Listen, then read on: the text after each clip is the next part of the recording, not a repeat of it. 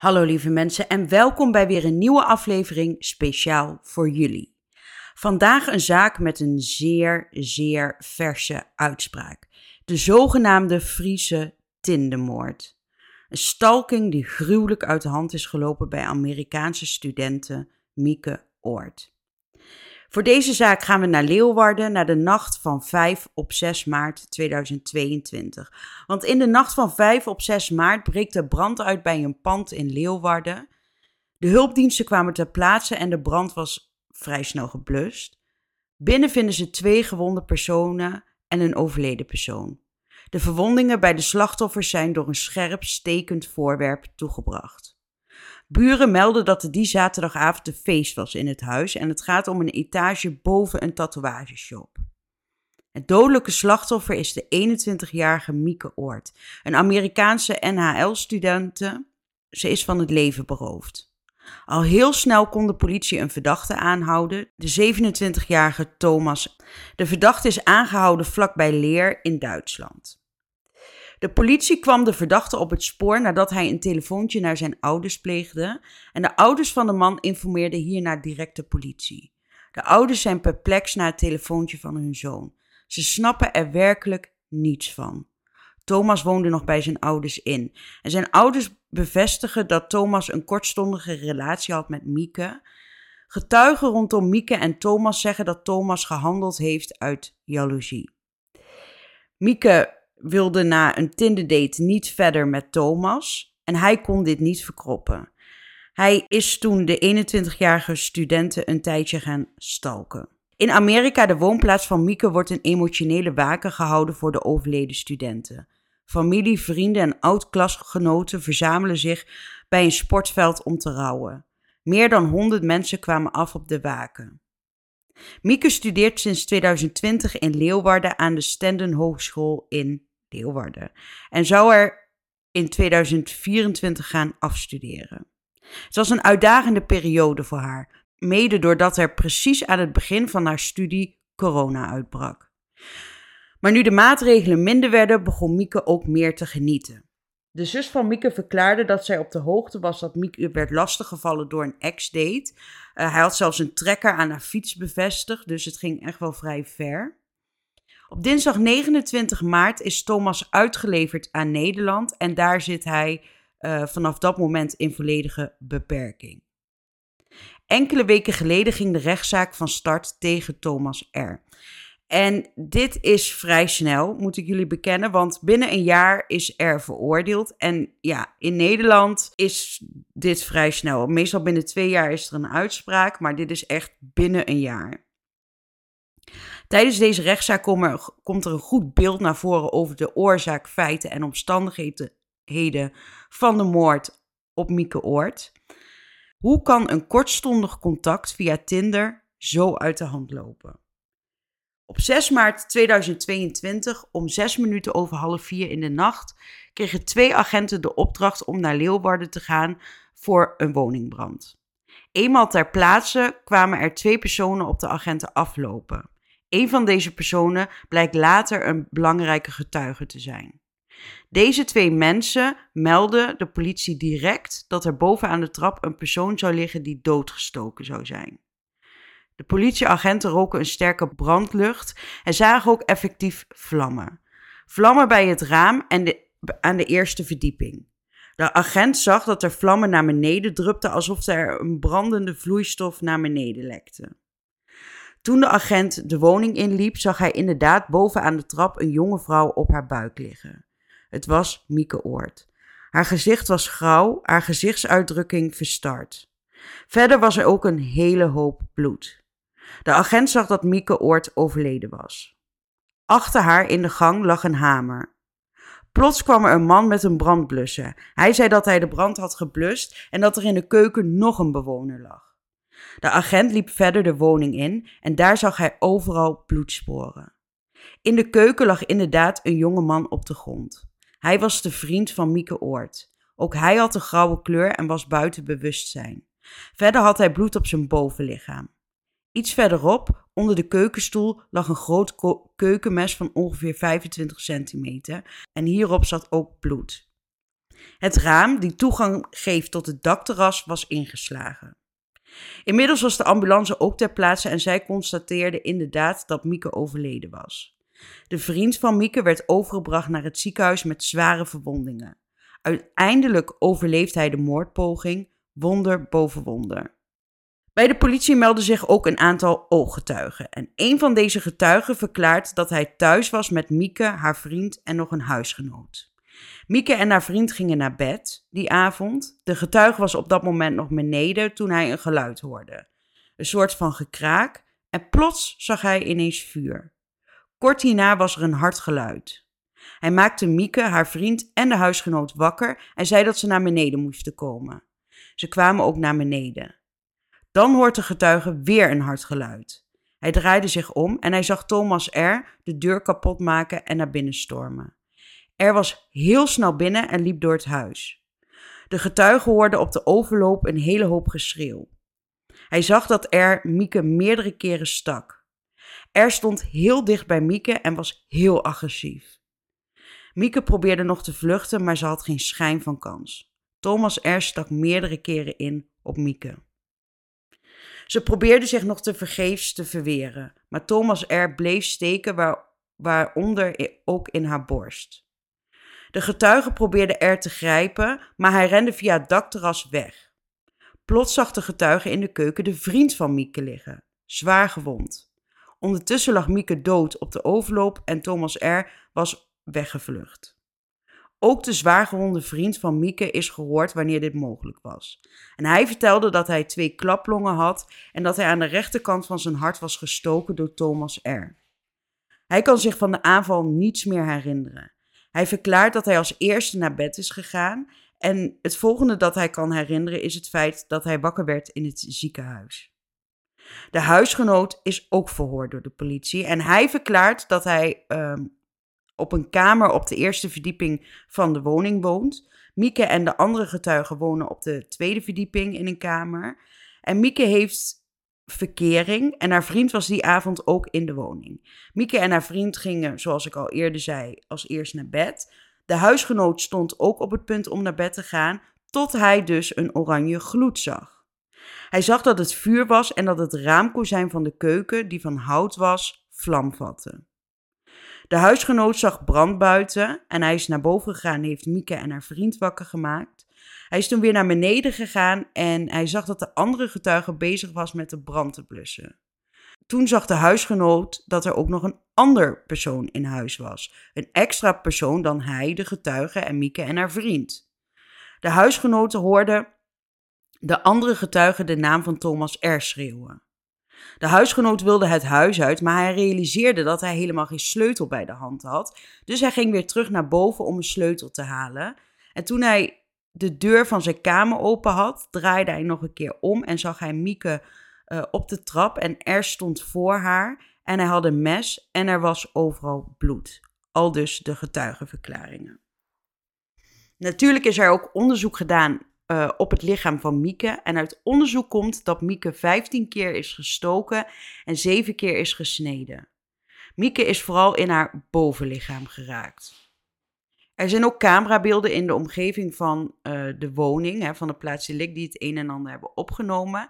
En daar is te zien dat op zondag 6 maart 2022 om kwart voor één Thomas R. Uh, rondom de woning uh, aankomt. Um, bijna twee uur later, om twee minuten voor half vier, is er weer te zien op beelden. Hij loopt dan een steeg in bij de woning. En vijf minuten later is een, er een ontbranding van een onbekend voorwerp te zien. Echter gebeurt deze ontbranding buiten het bereik van de camera's, maar deze is wel te zien door een weerspiegeling in het raam. Het brandende voorwerp wordt naar boven gegooid. Het voorwerp raakt dan de muur en veroorzaakt een steekvlam. Dan zie je dat R via een regenpijp naar boven klimt. Tweeënhalf minuut later, om half vier in die nacht, zie je R weer vanuit de steeg naar de straat rennen. Hij rent naar een auto en stapt aan de bestuurderszijde de auto in en hij rijdt met gedoofde lichten weg. Er is ook onderzoek gedaan naar de telefoongegevens. Het is namelijk zo dat om 3 uur 37 112 wordt gebeld. Er belt een man huilend op dat hij twee mensen heeft neergestoken. Deze man is Thomas R. En hij heeft verklaard uh, dat hij iemand heeft vermoord en iemand heeft neergestoken. En later zegt hij weer dat beide mensen dood zijn. Verder heeft de politie aan de hand van de zendmasten een beeld kunnen krijgen waar er rondom de moord was. Hij was al die tijd van half één tot half vier rondom de woning in Leeuwarden. Er zijn ook nog WhatsApp-gesprekken opgenomen in het onderzoek. En deze gaan tussen Thomas R. en zijn zus. En hij vertelt zijn zus dat hij Mieke en haar vriend heeft doodgestoken. En dat hij naar Oekraïne gaat. Zijn zus vraagt waarom hij dit in godsnaam heeft gedaan. Waarop R antwoordt dat Mieke hem heeft gebruikt en dat zij tegen hem heeft gelogen.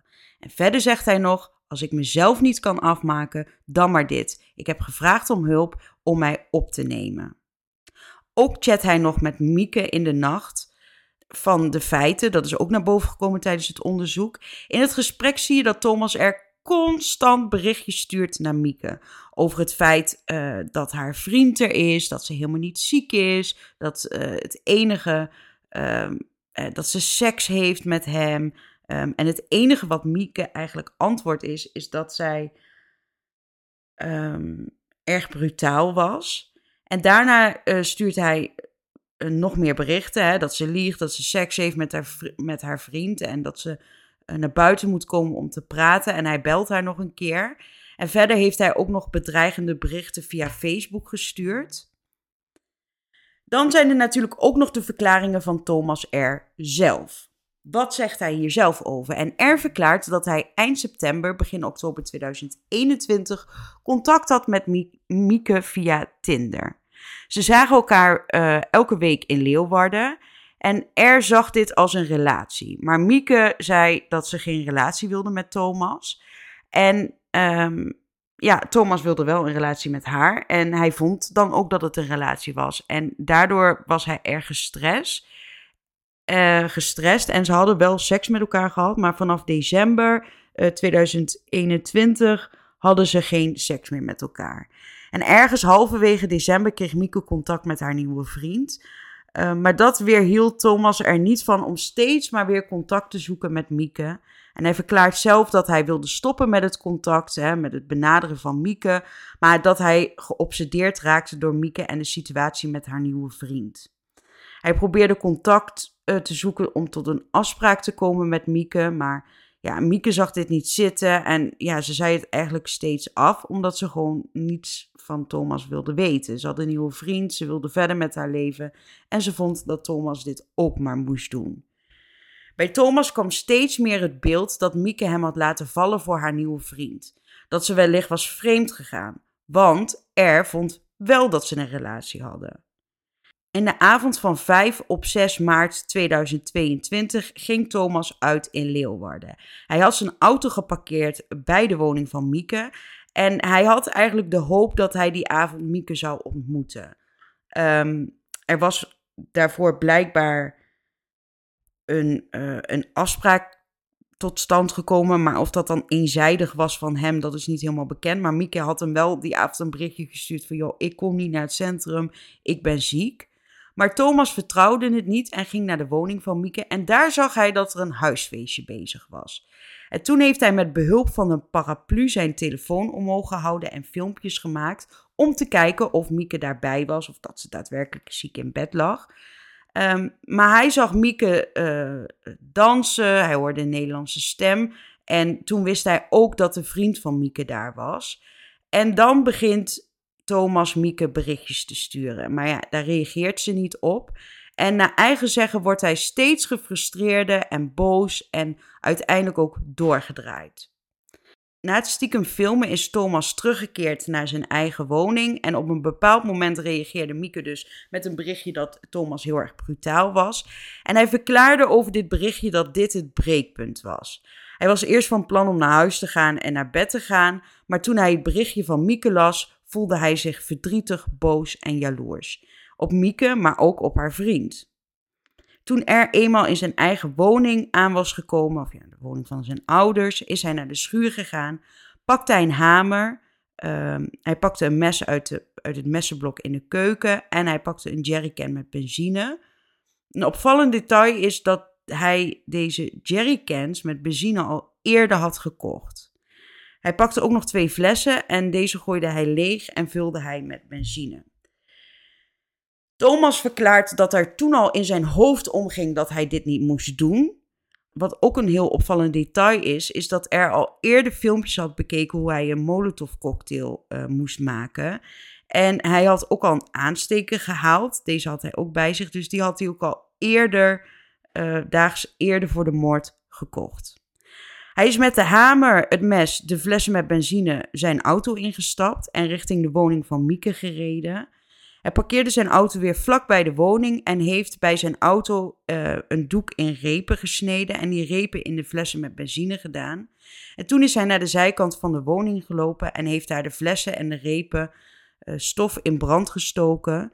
En toen het doek in brand stond, heeft er deze tegen het raam in de zijmuur van de woning gegooid. En hier ontstond dus direct, uh, hierdoor ontstond dus direct brand. Thomas is toen inderdaad via de regenpijp naar het dakterras geklommen. En op dat moment had er het mes en de hamer bij zich. Hij had ook goed nagedacht over de plaats waar hij de Molotov cocktail gooide, want hij wist dat het raam aan de zijkant van de woning tochtte en dat daar ook geen brandalarm was. Thomas heeft met, het, met de hamer het raam uh, ingeslagen en de, de deur van de woning ingeslagen en hij is toen de woning binnengestapt. Toen Thomas binnenkwam, zag hij Mieke en haar vriend en de getuigen. En um, Thomas is toen direct het contact met Mieke aangegaan. Hij stond voor haar op de trap. Hij heeft Mieke toen met een mes gestoken en hij verklaart dat hij aan de voorkant van het lichaam heeft gestoken en dat hij Mieke hoorde gillen. Hij is toen weer via de trap naar de voordeur op de begane grond gerend, maar die deur was op slot. Dus hij is weer via de trap naar de eerste verdieping gerend. En op de eerste verdieping kwam hij toen de vriend van Mieke tegen. Ze stonden een paar seconden tegenover elkaar en toen heeft er ook de vriend van Mieke gestoken met een mes. De vriend van Mieke rende weg en Thomas er rende hem achterna naar de keuken en daar um, zag hij dat de vriend van Mieke op de grond lag. En vervolgens is hij weer naar Mieke gelopen en heeft hij haar opnieuw gestoken. Toen is hij via het dakterras waar hij naar binnen kwam ook weer naar buiten gegaan. Heeft de woning verlaten, is naar zijn auto gegaan en heeft al daar 112 gebeld. Ook heeft er naar zijn ouders gebeld en heeft uh, tegen beiden gezegd dat hij Mieke had gedood. En hij heeft dus nog berichtjes naar de zus van uh, hem gestuurd. Hè, over dat hij, uh, wat hij gedaan had en dat hij naar Oekraïne wilde. En hij heeft ook nog berichtjes naar de zus van Mieke gestuurd. Er verklaart dat hij van tevoren al had bedacht dat hij de overige huisgenoten niet zou doen.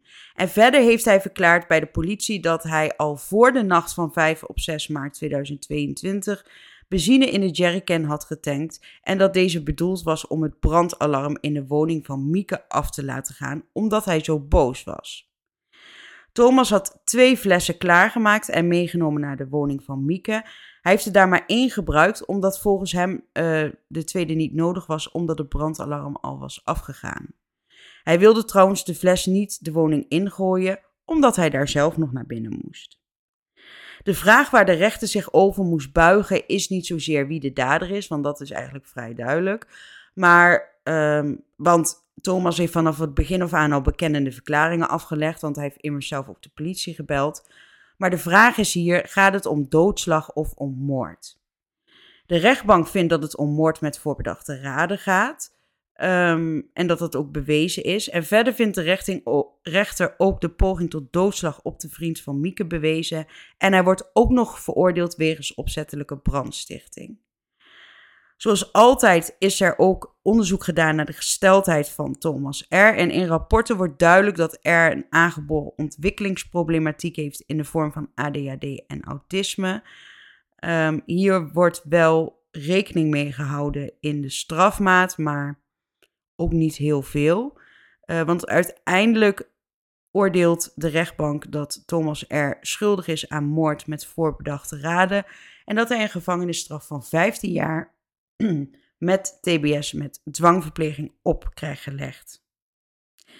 Dit was de zaak, de Tindermoord. Een verschrikkelijk verhaal waar een jonge vrouw vermoord werd om een afwijzing. Een verdachte die daar niet mee om kon gaan en daarom haar maar vermoordde. En dus haar vriend ook bijna. Hij heeft doelbewust de overige twee huisgenoten in gevaar gebracht door het gooien van de Molotov-cocktail. Bedankt voor het luisteren, lieve mensen, en tot volgende week.